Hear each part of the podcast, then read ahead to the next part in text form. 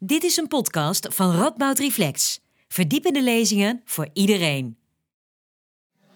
Goedenavond allemaal. Schieten nog een paar laatkomers naar binnen. Het had niet veel gescheeld of we hadden hier en nu niet zo'n mooi feest gehad. In de laatste maanden van de start van wat men toen dacht uh, de Keizer Karel Universiteit was nog niet zeker of Nijmegen inderdaad plaats van vestiging zou zijn. En ook niet of er een theologiefaculteit bij zou horen. De Nederlandse bisschoppen zaten niet per se op academisch opgeleide theologen te wachten. In de finale afwegingen speelden zowel Rome, die zeker een theologische faculteit wilde, en de harde pecunia een grote rol. Theologie was aanzienlijk goedkoper dan een medische faculteit en maakte het daarmee makkelijker om aan de overheidseis van drie faculteiten bij de start te kunnen voldoen. En daarom kunnen we vandaag met recht bijna 100 jaar wijsbegeerte en theologie in Nijmegen vieren. Theologie toen als aparte faculteit, wijsbegeerte als onderdeel van de letterenfaculteit. Samen met de rechtenfaculteit, de drie faculteiten die in oktober 1923 het eerste academische jaar vormgaven.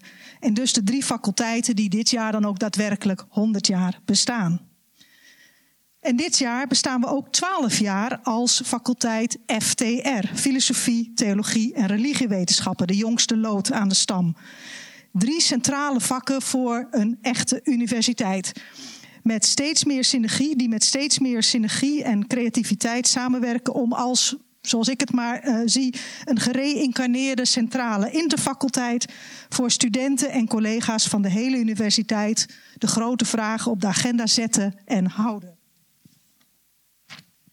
Om al deze redenen heet ik u daarom namens het faculteitsbestuur en namens Radboud Reflect van harte welkom op dit Denkwerkfestival. Ik ben Helene Murre van den Berg, de decaan van deze faculteit. Ik heet allereerst, en de meesten zullen het niet horen, maar ik heet toch allereerst alle collega's welkom die hier en elders in dit gebouw aan het programma uh, werken. De meesten van u zullen het wel gezien hebben, maar als je het programma goed bekijkt, dan dringt tot je door dat alles en iedereen, alles wordt verzorgd door mensen die een band hebben met onze faculteit. Als student of oud-student, als medewerker of oud-medewerker. En vanuit al die verschillende perspectieven worden onderwerpen uit de filosofie, de theologie en de religiewetenschap voor het voetlicht gebracht. Onderwerpen die ons verbinden met de gastvrije stad Nijmegen en onderwerpen die ons verbinden met de wereld om ons heen in een grote variëteit aan vormen. Muziek, fotografie, toneel, lezingen, spel en een mooie wandeling. En alvast dus mijn hartelijke dank aan al die collega's, oud-collega's en wie dan ook die daar vanavond uh, zich voor inzetten. Ik heet ook in het bijzonder um, de leden van ons college van bestuur welkom. Ik zie Han nog niet, maar Daniel uh, zit er al wel. Uh, Han van Krieken, de rector, zou komen. Daniel Wegbolder, de voorzitter, is hier al aanwezig. Van harte welkom van harte welkom ook aan iedereen die dit feest met ons meeviert. Um, want uh, het mooie vanavond vind ik dat. Uh, naast alle mensen die nu bij de faculteit betrokken zijn, er zoveel anderen aanwezig zijn. Alumni, uh, oud, oud-medewerkers, vrienden, vriendinnen, partners en zelfs kinderen, of in elk geval één kind van medewerkers, vieren vanavond dit feest met ons mee. Van harte welkom allemaal.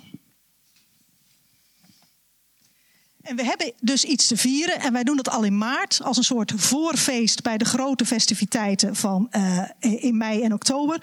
En ik wijs jullie maar even op de website van de Radboud Universiteit. Want er zijn nog veel meer mooie gelegenheden waar jullie uh, van harte welkom zijn. Ik wijs ook even op uh, het eredoctoraat dat op 9 mei verleend zal worden vanuit onze faculteit aan uh, Michael Sandel. Er zijn nog plaatsen voor het avondprogramma, dus uh, meld je snel aan om daar ook bij te kunnen zijn. En ik wijs hier ook nog even op twee andere lustrumfaculteiten, lustrumactiviteiten van onze faculteit. We zijn bezig met een serie van 100 verhalen over de faculteit. Kijk op de website. Heel voor degenen die bij de faculteit betrokken zijn, prachtige uh, inkijkjes in 100 jaar uh, filosofie en theologie. Um, en voor degenen die uh, in Nijmegen in de buurt zijn, ga ook een keer in het Erasmusgebouw de trappen lopen. Want daar zien jullie een prachtige fototentoonstelling van 100 jaar uh, universiteit, letteren en theologie, religiewetenschappen, filosofie in het Erasmusgebouw. alle trappen langs met een prachtig overzicht. En vergeet vooral de kelder niet. Want daar zijn nog een paar uh, mooie aanvullingen. Ik ga verder niks zeggen over het programma in alle verschillende zalen vanavond. Maar ik ga nu wel uh, Lisa Westerveld introduceren. Ik denk op het moment onze uh, meest bekende alumna. op dit moment, volgens mij wel. Tweede Kamerlid voor uh, GroenLinks. We zijn heel blij dat jij hier vanavond bij ons kon zijn in dit openingsprogramma. En zometeen gaan Leon de Bruin, vice-decaan van onze faculteit, en ikzelf met haar in gesprek over kansen en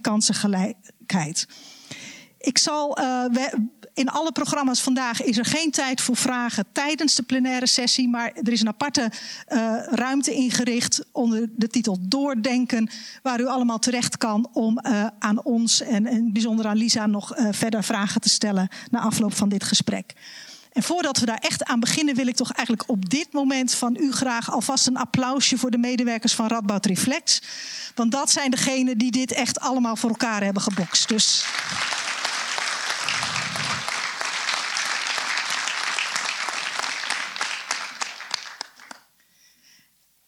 Dank Lisa, ik ben heel blij uh, dat je hier vanavond uh, bij ons kan zijn. We willen een, een, een kort gesprek voeren. We hebben tot, uh, tot tien over acht over kansen, kansengelijkheid. En we maken een soort rondje. We beginnen bij studenten van nu, studenten filosofie en hun kansen. We kijken ehm, naar de faculteit en naar de universiteit. Wat de rol van het hoger onderwijs is in het creëren van kansen en kansengelijkheid. En dan, ehm, ja, we zijn tenslotte een faculteit die doordenkt. Gaan we toch ook nog wat kritische vragen stellen bij is kansengelijkheid, uh, wat betekent dat nou eigenlijk? En kun je, kun je daar wel voldoende mee uit de voeten? Heb je niet andere dingen nodig als je naar een rechtvaardige samenleving wil? Maar ik begin maar even met een soort openingsvragen aan Lisa. Um, hoe kijk jij naar de rol van. van uh, hoe ben jij in de politiek gekomen, laat ik het zo zeggen? En heeft de faculteit daar nog een rol in gespeeld? Korte versie. Ja. Korte versie, ja. Nou, of filosofie daar een rol heeft gespeeld. Het, het mooie is, toen ik filosofie ging studeren, deed ik dat eerst naar een andere studie waar ik niet zo goed uh, nou, thuis paste. Lag niet aan de studie, lag aan mij als eerstejaars. Dat was antropologie. En toen ik filosofie ging studeren, toen uh, zeiden mijn uh, ouders, maar ook anderen tegen mij van ja, maar daar kun je toch helemaal niks mee worden. Nou ja, ik ben nu Tweede Kamerlid. Dus ik heb mijn ouders laatst eens een keer die vraag teruggeworpen: van uh, wat denken jullie nu van de studie? En hun beeld was toch wel heel anders dan toen ik uh, in 2003 aan de studie uh, begon. Dus ja, de, de, de faculteit heeft daar een rol in gespeeld. Um, ja, ik wil bijna een heel verhaal gaan houden over. Iets meer, iets meer mag, ja zeker. Nou, waarom? Kijk, eh, politiek was voor mij net als voor heel veel andere mensen, denk ik, iets wat ver weg, wat in Den Haag gebeurde. Wat helemaal niet bij je leven per se hoorde. Want ik was aan het studeren, je bent als studentenkamer aan het zoeken, je bent bezig met je volgende tentamen. Maar tegelijkertijd is natuurlijk politiek ook over ons heen. Alleen dat besefte ik op dat moment nog helemaal niet.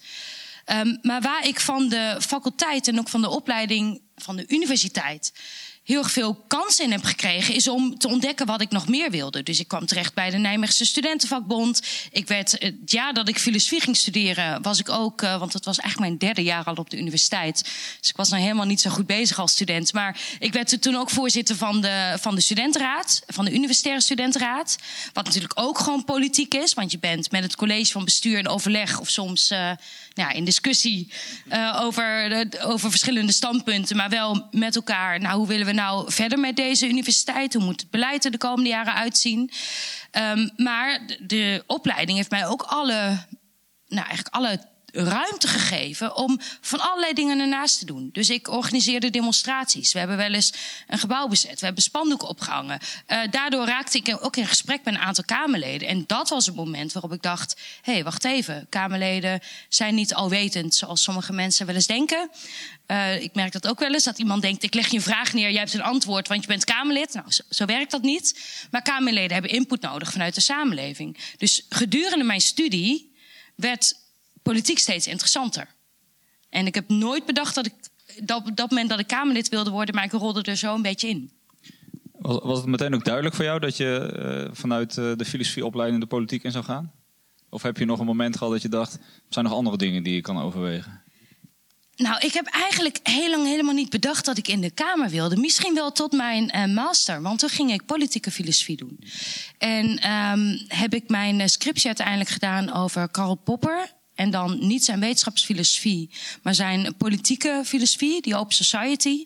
Waarin hij dus eigenlijk beschrijft ik zou je geen college gaan geven over Popper. Vind ik ook leuk trouwens. Maar uh, waarin hij eigenlijk beschrijft waarom een een democratie de beste staatsvorm is, maar wat ook de gevaren zijn van een democratie. Dat zijn niet per se de vijanden van buiten, maar dat zijn nou, ook wel de partijen die van binnenuit de democratie aan, aan zijn einde helpen. Nou, dat, dat, dat was voor mij. Um, nou, ik dacht dat is een heel theoretisch onderwerp. Ik heb thuis een hele stapel met uh, boeken uh, naast me. Uh, je zit dan je een beetje op te sluiten op je kamertje. Ik weet nog wel dat ik heel vaak s s'avonds laat naar mijn afstudeerbegeleider Evert van der Zweerde mailde. Die dan vaak een uur later trouwens weer antwoord gaf. Maar um, zo werd inderdaad, um, zo werd inderdaad gewoon politiek steeds meer iets um, wat, wat voor mij ook echt ging spelen. En pas de laatste jaren heb ik ook ontdekt, andersom, hoeveel ik in mijn baan als politicus, in mijn werk, aan filosofie heb gehad. Had je ook echt het idee dat je, dat je de politiek wat te bieden had? Dus, hoe, hè, dus je hebt, dan heb je een masscriptie geschreven en denk je dan ook, nou, die zitten nu echt op mij te wachten om hier iets mee te gaan doen? Nou, Dit is even voor, vooruitlopend op meer een algemene vraag. Van wat heb je als, als student nu eigenlijk als je afgestudeerd bent, wat heb je de maatschappij te bieden? Hoe zie je dat? Ja, maar ik heb, ik heb eigenlijk nooit gedacht dat ik als filosoof wat in de politiek zou, uh, de politiek wat te bieden zou hebben. Ik ben eigenlijk de politiek ingegaan omdat ik na mijn, nou, in mijn studententijd heb ik, ik heb heel lang over mijn studie gedaan, dat ik tussendoor allerlei andere dingen deed. Ik ben ook nog twee jaar weg geweest, omdat ik bij de Landelijk Studentenvakbond voorzitter werd. Dus dan ben je ook weer bezig met actie voeren, met praten met de minister vanuit die studentenbelangen, vanuit belang van beter onderwijs. Uh, daarna ben ik bij de Algemene Onderwijsbond gaan werken, de vakbond voor docenten. Met name veel leden in primair voortgezet onderwijs. Nou, inmiddels vallen gelukkig ook, valt gelukkig ook het hoger onderwijs daaronder. Um, en ja, en toen dacht ik, nou ook heel lang bij de vakbond hebben gewerkt. Ja, ik ben al jarenlang ben ik aan het actievoeren. Ben ik politici aan het vertellen wat zij zouden moeten gaan doen. Uh, en nog steeds is niet alles nou ja, gelukt zoals ik het zou willen. Of zoals ook heel veel docenten en, en studenten het zouden willen zien. Misschien moet ik het zelf maar eens gaan, gaan proberen. Ja. Nou, en zodoende ben ik eigenlijk echt in de in politiek terechtgekomen. En wat zou jij dan onze studenten adviseren, hè, onze filosofie en, en, en theologie, religie studenten, die, die nadenken over hun toekomst? Wat we, nou, vooral ga je, ga je breed ontwikkelen. En ik hoop ook inderdaad, en ik weet dat ook wel, dat de Rapport Universiteit daar studenten ook de mogelijkheden voor, mm -hmm. voor geeft. En ga in de medezeggenschap. Word actief bij een studentenorganisatie of bij een studentensportvereniging. Want ook daar leer je gewoon hoe je een vereniging moet besturen. En het mooie vond ik dus dat ik steeds meer ontdekte wat mijn opleiding mij te bieden had. Want nou ja, bijvoorbeeld in onze master waren we wel eens bezig, ben je twee uur lang bezig om één alinea uit een boek van, uh, van Nietzsche bijvoorbeeld te ontleden. En dan ben je heel erg gaan nadenken over de betekenis daarvan. Nou, ik heb daar nu heel erg veel van in mijn werk. Um, omdat je heel erg veel bezig bent met de betekenis achter teksten. Dan vragen we iets aan het ministerie. Dan krijg je een brief van 15 pagina's vol met moeilijke woorden. En dan denk je soms, ja, wat heb ik eigenlijk hier gelezen? En vaak, vaak heb je dan niets gelezen. Maar uh, dan, dat heb ik wel geleerd van mijn opleiding. Om echt de betekenis achter zinnen te zien. Om goed ook het onderscheid te leren tussen uh, nou, de, de, zuivere discussies. Maar ook gewoon drogredeneringen. Dat leer je echt in je studie. Zonder dat ik wist dat ik daar later in mijn loopbaan baat bij had. Uh, je leert heel erg om problemen van alle kanten te bekijken. En wat ik de laatste jaren in de Kamer heel erg merk. Want ik ben nou ja, woordvoerder onderwijs, jeugdzorg. Heel veel zorgonderwerpen, onderwijsonderwerpen. Maar ook ben ook woordvoerder corona geweest sinds de laatste verkiezingen. En daar ben je voortdurend bezig met gewoon ethische afwegingen maken. Daar is het niet lijnrecht van je volgt een, een wet of je vindt iets en daar blijf je bij. Maar daar was het voortdurend schipperen en voortdurend belangen afwegen. Je weet dat je grondrechten inperkt. Want of we nou, dat, dat gebeurde voortdurend tijdens de coronacrisis. Om juist rechten van anderen, namelijk recht op gezondheid, te beschermen. En je, en je bent voortdurend bezig met ethische discussies. Nou, ik denk dat er geen enkel um, denk dat er geen enkele studie is waarbij je dat zo goed leert als bij filosofie. misschien toch een ander onderwerp, hoe, hoe interessant dit ook is. Hè. Je bent, dat, dat refereerde je net al aan, uh, onder andere ook het zorgdossier, maar ook het onderwijsdossier natuurlijk heel erg bezig. Ook met, met kansen en, en, en gelijke kansen voor iedereen. Um, hoe zie jij de rol van de universiteiten daarin? Niet per se onze faculteit, maar de universiteit. Wat, wat kunnen die daaraan doen? Wat zouden die meer moeten doen, anders? Nou, ik denk dat um, wat je. Kijk, hoe, hoe wij kijken naar de ontwikkeling van kinderen en hoe we kijken naar kansen, is natuurlijk de afgelopen jaren al enorm in ontwikkeling gekomen. En wat ik vaak wel heel nou, bijzonder vind, of waarom ik. Nou, is, dat, is dat bijvoorbeeld. Um, nou, jeugdzorg heb ik in mijn portefeuille, onderwijs heb ik in mijn portefeuille en de vorige periode had ik ook kinderopvang in mijn portefeuille. Gaat allemaal over hetzelfde kind drie verschillende ministeries en ook allemaal verschillende doelen. bij onderwijs gaat het over de kansen van, van kinderen onder meer. En bij kinderopvang, dat is eigenlijk een werkgelegenheidsinstrument. Wat heel gek is, want we weten steeds meer, nou, door de kennis ook aan onze universiteit, uh, dat juist die eerste paar jaar zo ontzettend belangrijk zijn in het leven van kinderen. Nou, en ik, ik, zat een tijdje geleden, was ik hier, had ik een gesprek eerst met eh, studenten en daarna met een aantal wetenschappers. Die gewoon mij nog heel veel wisten te vertellen over onderzoek wat zij deden over ontwikkeling van kinderen. Ging ook over jeugdzorg. En toen dacht ik hoe jammer het is dat wij in de Tweede Kamer niet veel meer gebruik maken van alle kennis die hier aanwezig is. En dat wij niet veel vaker nog luisteren naar wetenschappers en wat zij te vertellen en, hebben. En dat leidend laten zijn. Hoe, hoe, eh, hoe, hoe, zorgen wij dat wij daar meer uh, aan het woord komen? Ja, dat is een uitdaging. Want ik zeg wel eens tegen mensen: ja, mail mij vooral als je informatie hebt. En inmiddels krijg ik ja. zoveel mails dat ik het niet meer aan kan. Dus ik schiet mezelf daar een beetje bij in de voet. Maar misschien wel nog vaker van je laten horen. Mm. Nog vaker op momenten dat er hier mooie onderzoeken zijn. Zoek kranten ook op. Hè. Het is natuurlijk heel fijn dat, dat er in wetenschappelijke tijdschriften wordt gepubliceerd. Allemaal ontzettend belangrijk. Maar ik denk soms soms nog wel dat een publicatie of een artikel in naar een krant of online, dat dat ja, voor in ieder geval dat, uh, om te zorgen dat de rest van Nederland ook van weet, dat dat nog wel belangrijker kan zijn. Ja. En ik weet natuurlijk het doel van wetenschappelijke publicaties, maar zorg er ja, vooral voor dat we, kennis denken daar inmiddels een beetje komt. anders over. Dus er, wordt, er wordt denk ik heel veel gepubliceerd, ook, ook daarbuiten al. Maar ik denk dat het, het is heel belangrijk inderdaad om te zorgen dat we dat ook echt blijven doen ja. en daar aandacht voor vragen. Ja, en, en wat, ik mis, wat ik bijvoorbeeld heel erg merkte bij de bij bijvoorbeeld de coronacrisis. Maar ik merk dat ook bij, bij discussies over onderwijs. Hè. Iedereen in de Kamer, van links tot rechts. Geen enkele partij zal zeggen wij zijn voor uh, slecht onderwijs. Of wij willen niet dat kinderen kansen krijgen. Maar de manier en hoe je daar naar kijkt, die verschilt wel enorm. En dan merk ik dat wij nog niet goed genoeg in staat zijn in de Tweede Kamer om op basis van alle informatie die we krijgen de juiste inhoudelijke afweging te maken. Wat je heel erg veel ziet is dat debatten vaak geleid worden door nou, emotie wat ook logisch is, hoort ook bij politiek. Dat debatten heel vaak geleid worden door een artikel dat ze toevallig uh, nou, die dag op de voorpagina stond. Hè. Op het moment dat ik een onderwijsdebat heb en net op die dag um, nou, staat er een artikel over een school ergens waar iets gebeurd is, dan gaat een heel groot deel van het onderwijsdebat daarover. En dat is heel erg jammer. En daarom zou ik er heel erg voor zijn dat we goed, ik ben er zelf bij natuurlijk, maar dat we in de Tweede Kamer veel vaker echt die debatten hebben op basis van gewoon de kennis die er is. Want eh, wij zijn niet de inhoudsdeskundigen op alles. Dat zijn de mensen in deze samenleving. En dat zijn ook de mensen die hier op de universiteit gewoon onderzoek doen. En die weten veel beter hoe het zit dan wij met z'n 150 in de Tweede Kamer. En nu gaat het al eigenlijk een, een beetje over kansgelijkheid. Ja. En, en, en, wat, en jij zegt dus dan moet de universiteit eigenlijk ook gewoon informatie of wetenschap over aanleveren. Wat, wat we daarbij kunnen gebruiken om een goede, betere oordelen te, te te geven. Maar wat, wat betekent het eigenlijk voor jou? Ja, en misschien wel specifieker. Ik zou heel erg graag echt die vertaalslag naar de praktijk willen. Want er komt ontzettend veel moois uit wetenschappelijk onderzoek. Nou, soms ook natuurlijk wel zaken die helemaal niet fijn voor mij zijn als politicus om te horen. Omdat ze bijvoorbeeld iets tegenspreken wat ik uh, heel lang dacht. Maar ik mis nog heel erg vaak die vertaalslag naar de praktijk. En ik weet dat je die in Politiek Den Haag moet gaan maken. Dat op het moment, ja, bijvoorbeeld de ontwikkeling van kinderen de eerste vier jaar. Hoe belangrijk dat ook is om alle kinderen gelijke kansen te geven. Daar moeten wij wat mee in Den Haag. En dat gebeurt te weinig, dat stroopbrug enzovoort. Maar ik zou het heel fijn vinden als ook al die handreikingen daarvoor ja, worden geboden. Als daarover wordt nagedacht.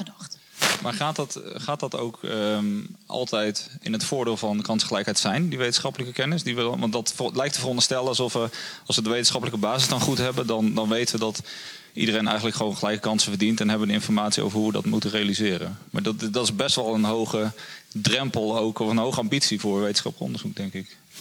Ja, dat, ja, dat denk ik ook. En ik denk sowieso is natuurlijk het nadenken over wat is nou kansengelijkheid? Hoe kijk je daarna? Daar kun je op heel veel verschillende manieren kun je dat uh, natuurlijk interpreteren. Is dat dat ja, ieder kind, ongeacht uh, nou, waar die persoon vandaan komt, uh, gelijke kansen verdient? Of is dat dat je vindt dat iedereen op de plek die voor die persoon de goede plek is terechtkomt?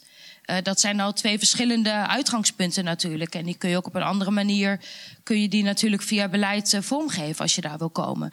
En ik denk dat we in de Kamer er nog niet goed in geslaagd zijn om nou goed te bedenken ook waar debatten over kansengelijkheid uh, over zouden moeten gaan. Um, ik denk dat we er in de Kamer ook nog veel te weinig over sla in slagen om vervolgens dan te bedenken welke stappen moeten we zetten om daar te komen. Omdat daar en de definitie is, ja, dus, nou, mijn denken daarover is ook de afgelopen jaren wel veranderd. Maar je merkt dat vervolgens, um, nou, al, al zou alle neuzen dezelfde kant op staan, moet je volgens die vertaalslag maken. En dat lukt ons nog veel te weinig. En de neuzen staan niet dezelfde kant op, toch? Of, of nee, maar dat, dat heeft ook wel te. Sorry, ik viel, ik viel je in de Nee? reden. Ja. Dat, dat heeft ook wel te maken met um, de manier waarop het debat gevoerd wordt. En een klein uitstapje, maar het gaat eigenlijk over hetzelfde. Ik ben ook woordvoerder preventie. En we hadden een vrij recent een debat dat ging over preventie. Hoe zorg je nou voor dat mensen nou ja, gezonder leven, om het even plat te slaan? Nou, het debat ging natuurlijk over van alles. Ging over gezonde voeding, ging over roken, ging over alcohol, ging over sporten, ging over drugs. Ga ze maar door. Uh, debat met vier minuten spreektijd per persoon. Dus ik moet in die vier minuten bedenken: wat wil ik allemaal zeggen? Wat wil ik bereiken? Wat wil ik. Uh, nou ja, hè, Vervolgens zijn in dat debat 17 moties ingediend. En moties zijn dus verzoeken van ons aan de Tweede Kamer. En die moties gingen echt over van alles. Van het verbieden van alcohol. Van alcohol nee, niet verbieden van alcohol. Reclameverbod voor alcohol. Waar best wel wat kanttekeningen aan zitten. Um, nou, van verdere stappen zetten op het gebied van roken. Van natuurlijk de BTW op groente en fruit. Van uh, zorgen dat vapes um, meer... Ja, aanname was, al die glitters en die kleurtjes en vapes, die zorgen dat het aantrekkelijker wordt. Misschien moeten we zorgen dat vapes voortaan dezelfde verpakking hebben. hebben en gewoon grijs zijn. Daar dient dan de, in de Tweede Kamer worden allemaal moties over ingediend. Allemaal op zich dingen waarvan je zou kunnen denken, nou, sympathiek, moeten we gewoon voorstemmen. En tegelijkertijd, we weten allemaal waardoor sommige mensen ongezonder leven. Namelijk, op het moment dat jij, uh, ja. waar je vandaan komt, wie je ouders zijn, wat je te besteden hebt dat draagt gewoon bij aan de mate waarin jij de keuze hebt om, om gezond te leven. En dat debat voeren we niet in de Tweede Kamer. En datzelfde gaat over kansengelijkheid. Als wij een onderwijsdebat hebben in de Tweede Kamer, dan gaat het heel vaak over van alles en nog wat. En dan, dan ik bedoel, dat doen alle partijen aan mee. Maar echt dat fundamentele debat over wat is nou kansengelijkheid en hoe zorgen we daar nou voor? Dus A, de spreektijd tekort voor. B, ja, ik heb wel eens de indruk dat niemand zit te wachten op een goed inhoudelijk fundamenteel debat. Want bij, ja, bij heel veel debatjes is het, wat, wat, wat merken mensen van debatten? Dat zijn de Twitterfilmpjes van 30 seconden waarin je uithaalt naar iemand of waarin je iets heel ongenuanceerd zegt. Dus, dus dat, dat loopt ons gewoon in de weg. En daar doen we met, met elkaar, alle, ja, doen alle partijen eigenlijk aan mee. Omdat we ook niet meer zo goed weten hoe het anders kan. Klinkt heel somber, maar ja. zo bedoel ik het eigenlijk helemaal dan niet. Hoopten, hoopten we dat de Eerste Kamer ervoor zorgde dat daar wel wat meer reflectie plaatsvond op dit soort uh, achterliggende vragen. Ja, en misschien ook één heel goed voorbeeld. Toevallig ook afgelopen week. Uh, afgelopen woensdagavond hadden we in de Tweede Kamer een debat. En dat ging over de educatieve module.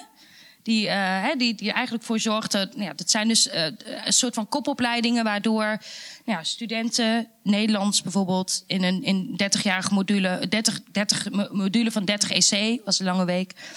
Um, een, een bevoegdheid krijgen en in het onderwijs kunnen gaan werken. En moet dat nou wel of niet in de wet verankerd worden? En nou, doet dat niet tekort aan het aanzien van het vak en zou die opleiding niet langer moeten zijn? Daar hadden we afgelopen woensdagavond in de Tweede Kamer een enorm inhoudelijk debat over. Met de, woordvoerder, met de woordvoerdersonderwijs. Dus het kan ook wel. En ik vond dat een heel mooi voorbeeld. Want misschien ook wat was voor heel veel Kamerleden een lange dag. Ik had, die dag al, ik had eerder op die dag al een wetsvoorstel behandeld. Dus ik moest in één keer klap door naar het volgende debat.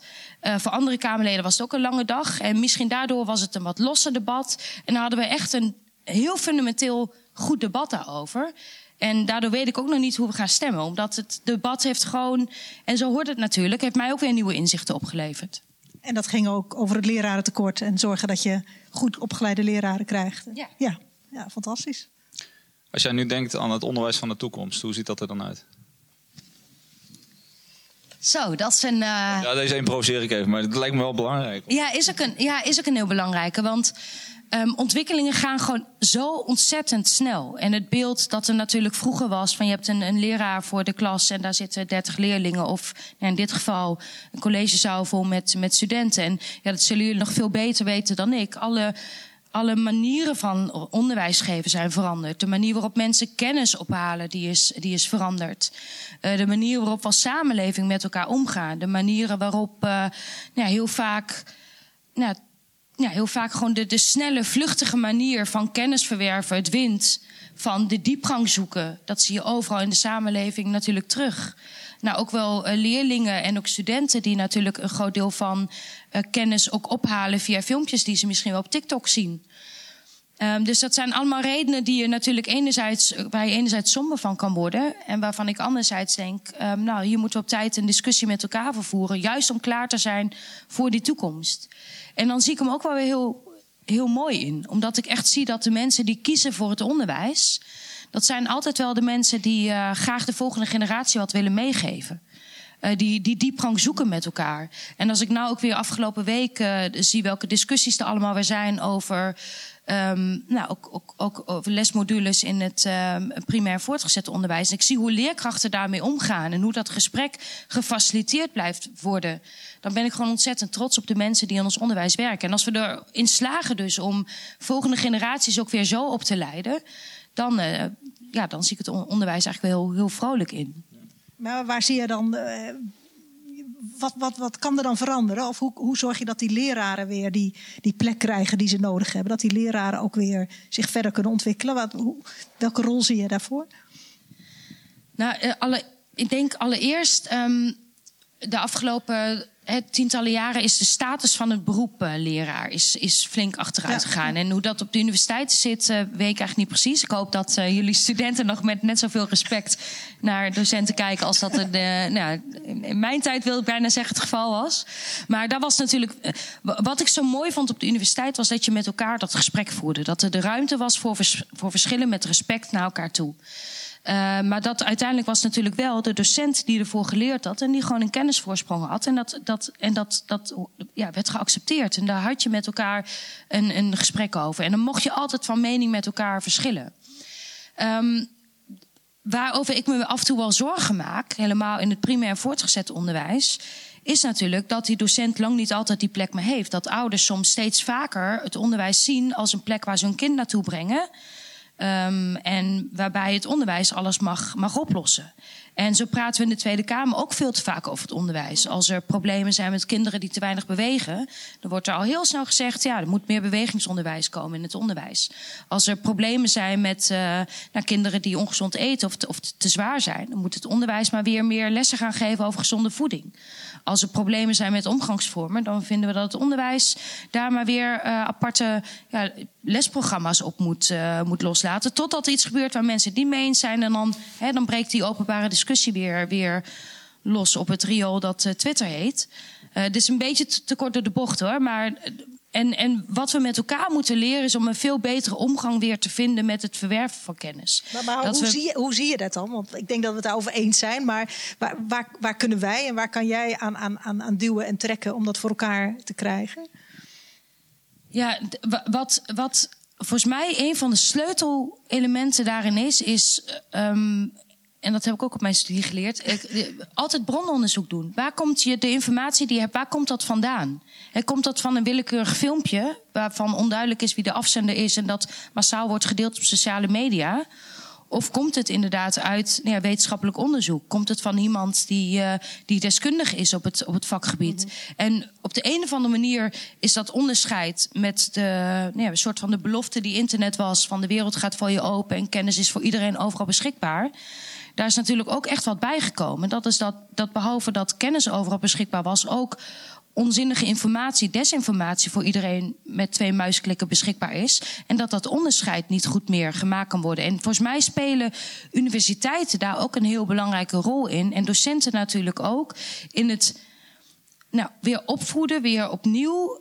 Ook aan volgende generaties het verschil ja, laten zien wat, wat is een, hoe doe je nou goed brononderzoek? En wat zegt een bron nou over iets waarvan jij wat jij denkt, wat jij vindt, waar komt het vandaan? Ja, dan moet iedereen uh, een universitaire studie doen eigenlijk. Nee, juist niet. Ja, de, nee, dat klinkt, of ze moeten de wetenschappers vertrouwen, maar dat is natuurlijk ook wel wat. Ja. Nou, misschien dat, we, dat universiteiten nog meer um, zouden kunnen bijdragen om wat hier wordt onderzocht waar deskundigen komen, omdat ook, omdat ook met ja, collega's eigenlijk van basisscholen, van middelbare scholen, maar daar begint natuurlijk. ook, ook het, het, ja, kinderen hebben natuurlijk nu allemaal een mobiele telefoon vanaf een bepaalde leeftijd. En dat is echt al de leeftijd waarop ze moeten leren ontdekken wat het verschil is tussen een TikTok-filmpje en ja, website gaan uh, van een kennisinstituut. En, en dat komt pas veel later. En ja, daar het idee was in de Tweede Kamer al jaren geleden dat we ook weer eens een keer een fundamentele discussie zouden voeren over, over het curriculum. En dat mediawijsheid daar een rol in zou spelen. Nou, die discussie is helemaal vastgelopen, waardoor dat nog steeds niet goed genoeg in het curriculum verankerd is. Maar daar zie ik ja, een rol voor de Kamer. Maar ook wel een rol voor inderdaad de universiteit. Als ouder word ik wel een beetje somber van. Want denk, mijn kinderen worden vanaf, vanaf zeven jaar al blootgesteld aan TikTok en weet ik YouTube. En dan op een achttiende mogen ze nog eens een keer naar de universiteit. Dan is het veel te laat. Ja, ja, is, ja, maar dat is dus. Ja, ik wil hier niet te sommige verhaal gaan schetsen. Maar dat is natuurlijk nu ook wel zo. Juist omdat de mediawijsheid. Um, ja, eh, eigenlijk iedereen. Het internet is groot geworden en er is helemaal, helemaal niks mis mee. Maar het is eigenlijk wel zo uit de hand gelopen. dat op het moment dat jij niet leert wat goed brononderzoek is ja, dat, dat ik heel goed snap dat, heel groot, dat een heel groot deel van uh, Nederland niet meer weet wat feit of fictie is. En dat zegt helemaal niets over het niveau van mensen, of of ze dom zijn of niet. Dat hebben we gewoon nooit geleerd met elkaar. Dat heb ik ook pas eigenlijk op de universiteit geleerd. En toen had nog niet iedereen een smartphone. En, en daar lopen wij dus voortdurend, eigenlijk lopen we ook in het onderwijs breed, voortdurend achter op de ontwikkelingen in de samenleving. En eigenlijk lopen we ook in het politieke debat voortdurend achter op ontwikkelingen die al lang gaande zijn. En, en wordt daarna pas bedacht, oh ja, hier moeten we wat mee, want we zijn er eigenlijk helemaal niet klaar voor. En met elkaar, dus met onderwijs, maar ook met politici, zouden we veel meer moeten nadenken over lange termijn beleid. Over wat komt er de komende jaren aan en hoe zorgen we nou voor dat we daar klaar voor zijn. En ja, daar, en dat doen we op dit moment gewoon nog niet goed genoeg. Ja, ik wil graag iets, ook iets positiefs, maar... Ja, ja, ja. Nee, dat is zometeen een borrel. Ja, dat ook. Nee, dus de, we zien allerlei mogelijkheden om aan het onderwijs, zowel het, het, het, het basisonderwijs, het, het hoger onderwijs, om daar dingen aan te veranderen. En tegelijk is het heel weerbarstig. Dat zeg jij ook en dat voelen wij ook in, in hoe je dingen uh, kunt veranderen, wilt veranderen. Um, ik, ja, ik ga toch nog wel even terug naar die, naar die kansengelijkheid en kansenongelijkheid. Want, want uiteindelijk, hè, je, je probeert op allerlei manieren. Um, ja, of het nou gaat over, over mensen mediawijs maken of zorgen dat ze beter uh, gezonder leven. Um, er liggen natuurlijk grotere vragen aan ten grondslag. Hè. De, de, de, ongelijkheid begint al bij de geboorte vaak. En kun je dat wel oplossen? En zijn er andere dingen waar je, waar je aan kan denken om, om, om het niet zozeer op te lossen, maar om ermee om te gaan. Want misschien kun je niet alles oplossen. Dus het is een. De politiek kan het ook niet alleen oplossen, denk ik. Nee, maar het begint, het begint natuurlijk wel bij bewustwording. En ook met elkaar daarover nadenken. En um, ik ben sinds um, de vorige verkiezingen ook woordvoerder gehandicaptenbeleid bijvoorbeeld. En ik merk, en dat merkte ik ook al bij mijn onderwerpen, bij de onderwerpen waar ik al lange woordvoerder op was, namelijk onderwijs en jeugdzorg, dat er een enorme blinde vlek zit bij heel veel politici en heel veel beleidsmakers. En dat komt omdat wij allemaal, ik zeg, ik generaliseer, maar de, merendeel van de mensen die in de Tweede Kamer zit, die beleidsmaker is bij het ministerie, heeft gewoon gestudeerd. En, dat, en, en vaak studeren de kinderen van uh, ja, mensen ook nog. En dat leidt er natuurlijk toe dat je een vrij eenzijdig beeld krijgt. Want, uh, en dat leidt er dus ook toe dat heel vaak nou ja, in die plekken waar al hoogopgeleiden uh, werken dat daar beleid wordt gemaakt dat vooral goed uitpakt voor hoogopgeleiden. Ja. En dat we een enorme blinde vlek hebben voor mensen die bijvoorbeeld uh, nou, een handicap hebben, die bijvoorbeeld hele me grote mentale problemen hebben, mensen met, een, um, nou, mensen met veel minder kansen. Want ja, als je daar niet heel actief elke week naar op zoek gaat, dan spreek je ze niet. En voor mij is bijvoorbeeld heel fijn dat ik nog een paar keer in de week in de voetbalkantine kom. Dat klinkt echt misschien heel gek, maar, maar dat is wel de mhm. plek waarin je met de hele samenleving elkaar tegenkomt. En waarin ik heel vaak de verhalen hoor van bijvoorbeeld de mensen die bij ons achter de bar staan, die het financieel helemaal niet breed hebben. En die mij dan weer eens vertellen waar ze tegenaan lopen. En op het moment dat je alleen maar in Den Haag bezig bent, dan kom je elkaar dus niet tegen. En dat, dat besef, dat er die grote blinde vlek is, dat kan volgens mij heel erg veel doen. En dan vervolgens is natuurlijk nog wel de zaak dat we daar in beleid ook echt mee aan de slag gaan. als ik bijvoorbeeld kijk naar kansengelijkheid, kijk naar bijvoorbeeld de jongeren op het praktijkonderwijs. Ik ben een aantal keer, misschien dat niet iedereen hier weet wat praktijkonderwijs is, maar dat is echt onderwijs waarbij uh, jongeren heel praktisch worden opgeleid om bijvoorbeeld in de groenvoorziening te gaan werken of om bijvoorbeeld assistent in een winkel te worden. Uh, dat zijn soms ook jongeren die heel graag zelf wel in het onderwijs hadden willen werken. Of misschien zelfs wel eigenaar van de winkel hadden willen worden. Maar cognitief uh, dat niveau niet aan kunnen. Omdat ze bijvoorbeeld heel veel moeite hebben met rekenen of met plannen of met wat. Hè. Dus praktijkonderwijs is geen enkele. Weinig ouders zijn trots als hun kind naar het praktijkonderwijs gaat. En tegelijkertijd gebeuren daar zulke ontzettend mooie dingen. Um, en denk ik dat het helpt als wij in de Tweede Kamer wat vaker juist die plekken bezoeken met die kinderen gaan praten, gaan vragen wat zij willen, hoe zij hun toekomst zien. En daarmee maak je natuurlijk wel het verschil. En daarmee kunnen we er wel voor zorgen dat we ook uh, wat minder in termen van hoog en laag gaan denken. Dat we wat meer in termen gaan denken van laten we zorgen dat kinderen op de goede plek terechtkomen. Dat hoeft niet altijd de universiteit te zijn, of het uh, de selectieteam van je, van je voetbalclub te zijn. Of dat je de allerbeste moet zijn uh, in, wat, in wat dan ook. Je moet zorgen dat mensen gelukkig zijn, op de goede plek terechtkomen. Ik, ik, moet even denken aan, uh, omdat je zegt verschillende gezichtspunten, is binnen de faculteit natuurlijk nu ook een, een heel levendig thema. Als het gaat om diversiteit, bijvoorbeeld van het uh, filosofische kanon. Had jij nu, als je op dit moment zou studeren, had je dan andere dingen willen studeren? Of had je dan, of destijds toen je studeerde, dacht je, nou, dit is toch wel een vrij eenzijdig perspectief? Nou, het leuke is wel, um, ja, leuke vraag trouwens. Het leuke is wel, ik, heb twee jaar in de opleidingscommissie gezeten. En onze opleidingscommissie die vond toen al dat we wel heel erg veel eh, mannen uit een bepaalde nou ja, tijd kregen voorgeschoten. Dus wat, wat hebben wij toen gedaan met de studentleden en met de docentleden van de opleidingscommissie? En daarom vind ik ook zo'n opleidingscommissie een hele mooie plek. Omdat je echt als studenten en docenten met elkaar samenwerkt. Wij zijn gewoon eens in een tabel schematisch gaan weergeven van welke filosofen worden nou op welk moment van de opleiding uh, behandeld.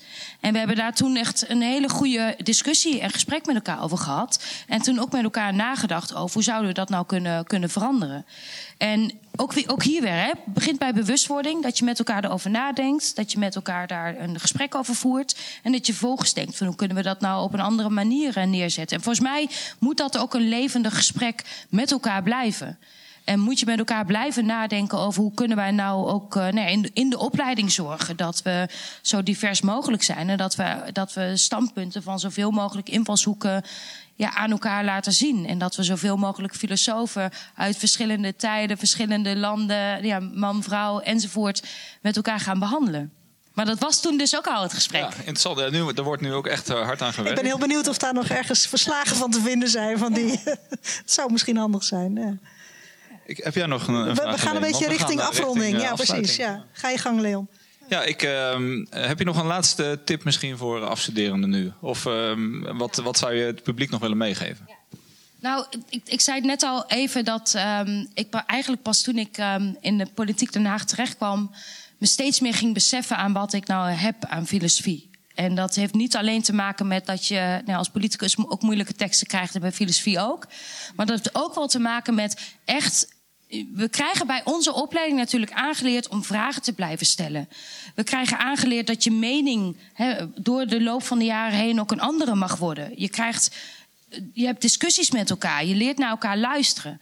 En dat zijn echt zaken die nou misschien voor heel veel studenten of mensen die afgestudeerd zijn, laat staan docenten, misschien wel vanzelfsprekend zijn. Maar die zijn in onze samenleving helemaal niet zo vanzelfsprekend. En dat zou ik ook hier aan, mensen die filosofie studeren willen meegeven.